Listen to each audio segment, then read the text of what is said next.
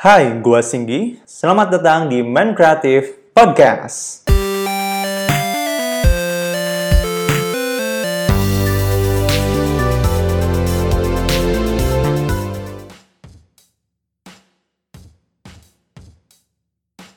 Halo, uh, selamat malam semua. Ketemu lagi di episode selanjutnya nih di main berbagi. Sebetulnya gue keingetan lagi dulu ketika Kodopolitan yaitu startup yang gue bangun dengan teman-teman pertama kali mencari bentuk gitu tahun 2014 dan waktu itu gue dan teman-teman join di salah satu inkubator yang namanya Skystar Ventures. Kebetulan kita generasi pertama banget gitu dan di sana suka ada mentor-mentor yang datang untuk ngebimbing kita gitu. Kita emang gak rutin datang ke sana karena ya posisinya Skodopolitan seringnya di Bandung gitu. Jadi kadang kalau ada apa-apa balik-balik Bandung Tangerang, Bandung Tangerang gitu. Dan sesi-sesi mentor ini yang gak pernah kita lewatin. Salah satu topik yang sangat menarik sampai gue ingat sampai sekarang itu soal uh, topik yang diberikan oleh Farina Situmorang dari Lean Startup Circle Jakarta. Di sana dibahas tentang apa itu Lean Startups gitu dia buat slide-nya kalau nggak salah Lean Startup One on One, One on One, 101 Lean Startup. Dan uh, kalau nggak salah setelah gue cari ternyata dan dia bilang juga tentang Lean Startup itu buku yang dia baca tentang uh, The Lean Startup dari Eric Rice. Nah oke, okay. Lean Startups kalau secara pengertiannya misalnya kita bahas lean startup secara pengertiannya coba kita bongkar per katanya deh lean dan startups gitu. Lean, lean itu ramping. Tapi kalau Farina bilang lean itu tidak sama dengan uh, murahan. Murahan dalam artian gampang untuk cuman gitu-gitu doang gitu. Tapi ternyata lean itu maksudnya di sini lean startup adalah strive to optimize time. Artinya, gimana sebisa mungkin mengoptimalkan waktu yang kita miliki untuk segera memvalidasi ide kita tentang bisnis di startup kita sendiri gitu. Punya ide, punya produk, dan gimana cara memvalidasinya secepat mungkin.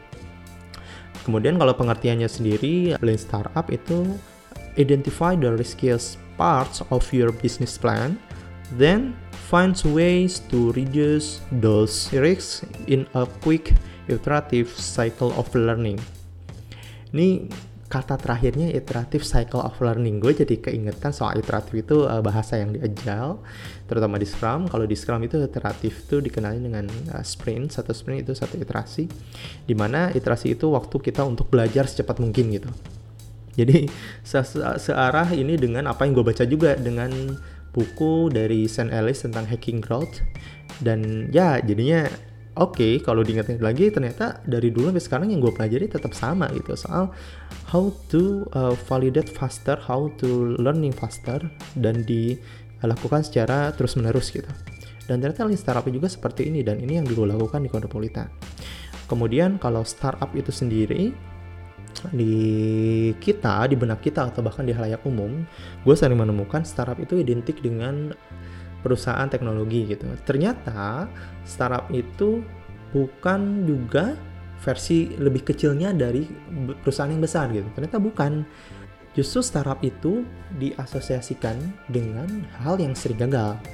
Kenapa sering gagal? Karena startup itu early adopters, jadi teknologi-teknologi atau misalnya hal, hal yang baru yang orang banyak, belum banyak yang sadar, itulah startup sering di sana.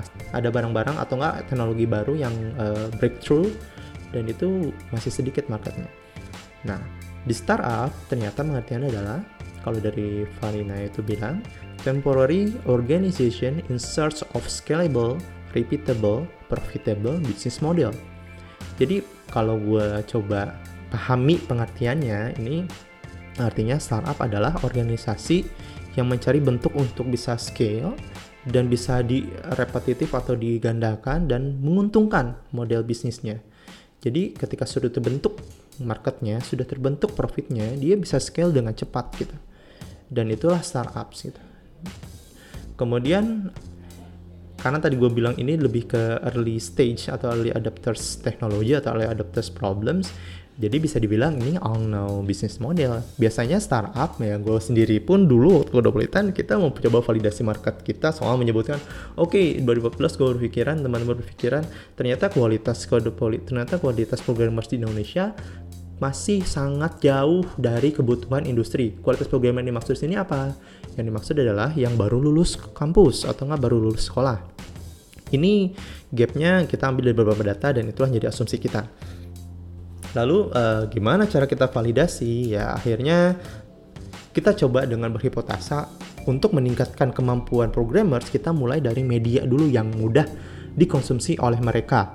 Artinya artikel-artikel sederhana yang mudah untuk dibaca gitu dan uh, hipotesa hipotesa itu itu adalah asumsi kalau di akademis hipotesa pun harus tetap ada datanya ya. Kita coba mencoba untuk ada datanya. Dan itu adalah asumsi kita. Belum tentu market seperti itu. Dan itulah umumnya startup memiliki sifat yang sama yaitu mencoba memvalidasi hipotesa dan asumsinya gitu. Ketika kita membuat startup, kita memiliki suatu data yang sebelumnya belum proven sebetulnya, namun kita melihat ada indikasi ini akan dibutuhkan oleh market gitu. Tapi ya harus segera cepat-cepat divalidasi. Artinya, kenapa kita buat startup bukan berarti hanya idealisme membuat suatu produk terwujud dan menjadi suatu produk yang breakthrough. Tapi kita juga harus berpikiran ketika membuat produk ini, people will want to buy this product yang saya buat gitu. Dan itulah yang perlu difikirkan oleh founders misalnya. Ini menurut Farina di Lean Startup waktu itu. Oke, okay, Lean Startup itu tujuannya adalah bisa sesegera mungkin mengetahui dan terhindar dari asumsi yang tidak tepat atau asumsi yang salah yang bisa membahayakan bisnis kita. Dan seperti yang gue bilang tadi, Startup itu lebih ke semangat bagaimana kita bisa belajar secara iteratif mengenai resiko dengan cepat dari asumsi yang kita buat gitu loopnya kalau di Lean Startup ada tiga ada tiga loop diawali dengan build dulu terus dari build jadilah produk. Dari produk kemudian kita measure dari datanya apakah market itu sesuai atau cocok. Setelah di measure ya misalnya survei kuantitatif kualitatif jadilah sebuah data.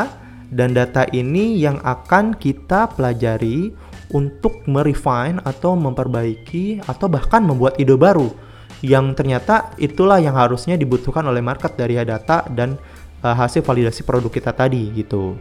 Kemudian seperti yang dijelaskan tadi bahwa startups kita mau validasi uh, ideas kita, asumsi kita dan kemudian hal yang paling utama, hal yang paling penting untuk bisnis karena startup itu berusaha dengan bisnis yang scalable, profitable dan uh, repeatable itu kita suka kita suka berasumsi bahwa yang paling penting adalah produknya, teknologinya, CEO-nya harus orang terkenal atau enggak investornya harus yang banyak duit atau bisnis plannya harus matang banget gitu, visinya harus kuat atau enggak punya competitive advantage yang lebih breakthrough dibanding saingannya atau enggak tim yang sangat uh, solid gitu atau enggak sesuai kebutuhan oleh customer bahkan. Ternyata bukan itu semua. Dari Lean Startup ini, Farina bilang bahwa yang paling penting untuk startup kita, untuk bisnis kita bukan itu semua. Yang paling penting adalah ada yang beli produk kita. Ada yang bayar produk kita. Karena esensi utama suatu bisnis adalah bukan cuma sesuai dengan kebutuhan market, tapi juga ada yang beli produk kita. Seperti itu. Ada tagline yang cukup menarik dari Farina, dia bilang, "Don't sell what you can make, make what you can sell." Nah, kemudian ada lagi tagline berikutnya, every product is a solution to someone's problem. Contohnya kayak Facebook, Instagram yang sering kita pakai sehari-hari. Ada suatu problem dan ada market, kemudian kita aware dengan problem itu, kemudian mencari solusi dari problem tersebut, kemudian uh, menyusun solusi-solusi yang kita buat menjadi suatu produk dan dari produk itu kita bisa mendapatkan suatu keuntungan gitu.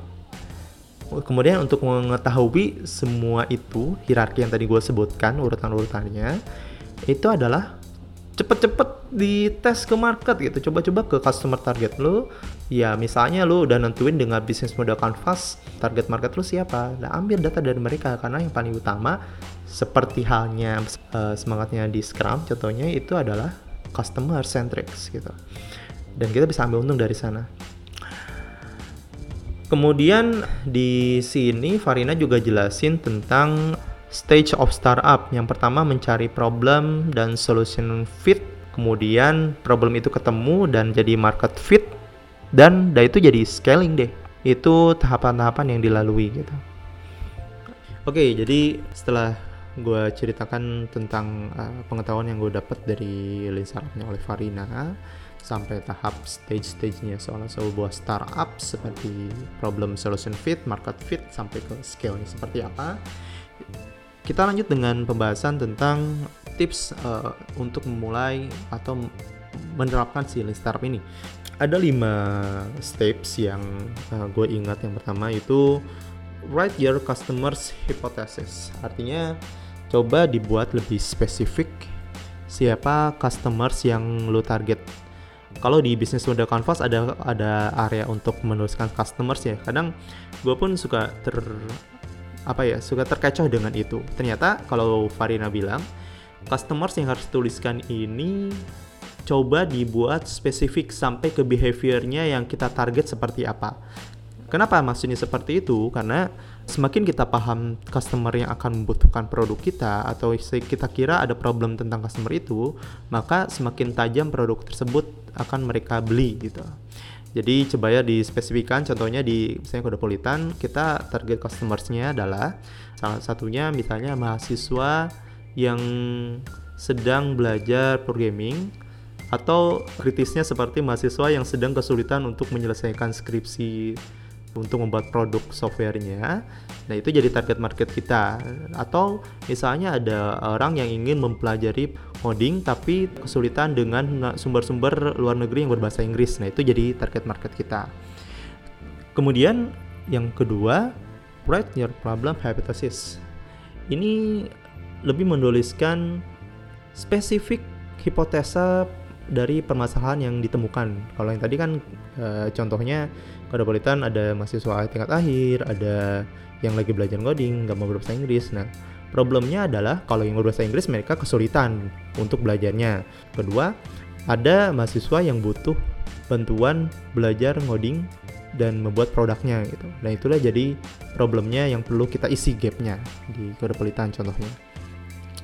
Kemudian yang ketiga, buatlah produknya. Jadi setelah asumsi kita tentang customer kita siapa, asumsi kita tentang uh, problemnya seperti apa, lalu kita buat. Buat apa nih? Ya seperti Kodopolitan sekarang, biasanya ada medianya, ada online-nya, kemudian ada dev school-nya juga yang langsung kalau juga bisa belajar secara online, pengen ketemu langsung, ya kita sediakan gitu. Lalu yang keempat itu kita coba tidak hanya mengasumsikan produk ini akan dibeli sama siapa, tapi mengasumsikan pula resiko yang paling besar bisa asumsi itu nggak valid. Kita menuliskan misalnya ternyata nggak ada loh mahasiswa yang kesulitan untuk membuat tugas akhirnya, wah itu nggak valid. Kemudian ternyata nggak kesulitan kok orang belajar programming dengan konten bahasa Inggris, nah itu udah jadi risiko terbesar buat kita gitu. Berarti nggak valid asumsi kita. Dan yang kelima dari semua asumsi kita buat dari produk yang udah kita Buat pula dari asumsi tentang masalah dan customernya, ya kita harus langsung uji coba ke marketnya dari target yang customer tadi. Nah, itu tahapan-tahapan yang bisa dicoba karena yang paling utama dari Lean Startup ini adalah segera sesegera mungkin memvalidasi asumsi kita. Jadi kalau di bukunya dia bilang ada MVP, ada minimum viable product. Jadi minimum working product. Jadi produknya bukan setengah-setengah tapi valid dan berfungsi dan bisa memvalidasi semua yang kita asumsikan tadi gitu. Sesegera mungkin tidak mengejar perfect tapi sesegera mungkin bahwa orang akan butuh atau enggak itu orang akan beli atau enggak. Nah, itulah sekilas tentang lean startup yang gue ingat. Tolong koreksi teman-teman semua. Kalau misalnya ada yang memberikan pendapat yang berbeda ya bisa kontak gue. Dan juga ada pandangan lain sebetulnya kalau bicarakan soal lean startup ada juga buku dari One to Zero to One. Itu cukup berbeda semangatnya seperti di Ford atau enggak seperti di Apple. Kondisinya berbeda. Jadi bukan uh, apa yang mau dibeli market tapi mereka melihat bahwa market akan butuh ini gitu. Itu juga berbeda dengan konsepnya. Jadi ya itu yang jadi masih bahan pembelajaran yang jelas di sini. Uh, ini gue sharing tentang apa yang sudah gue pelajari dan gue ketahui soal startup. Oke. okay, itu aja untuk uh, podcast malam ini. Semoga bermanfaat. Sampai ketemu di podcast berikutnya. Assalamualaikum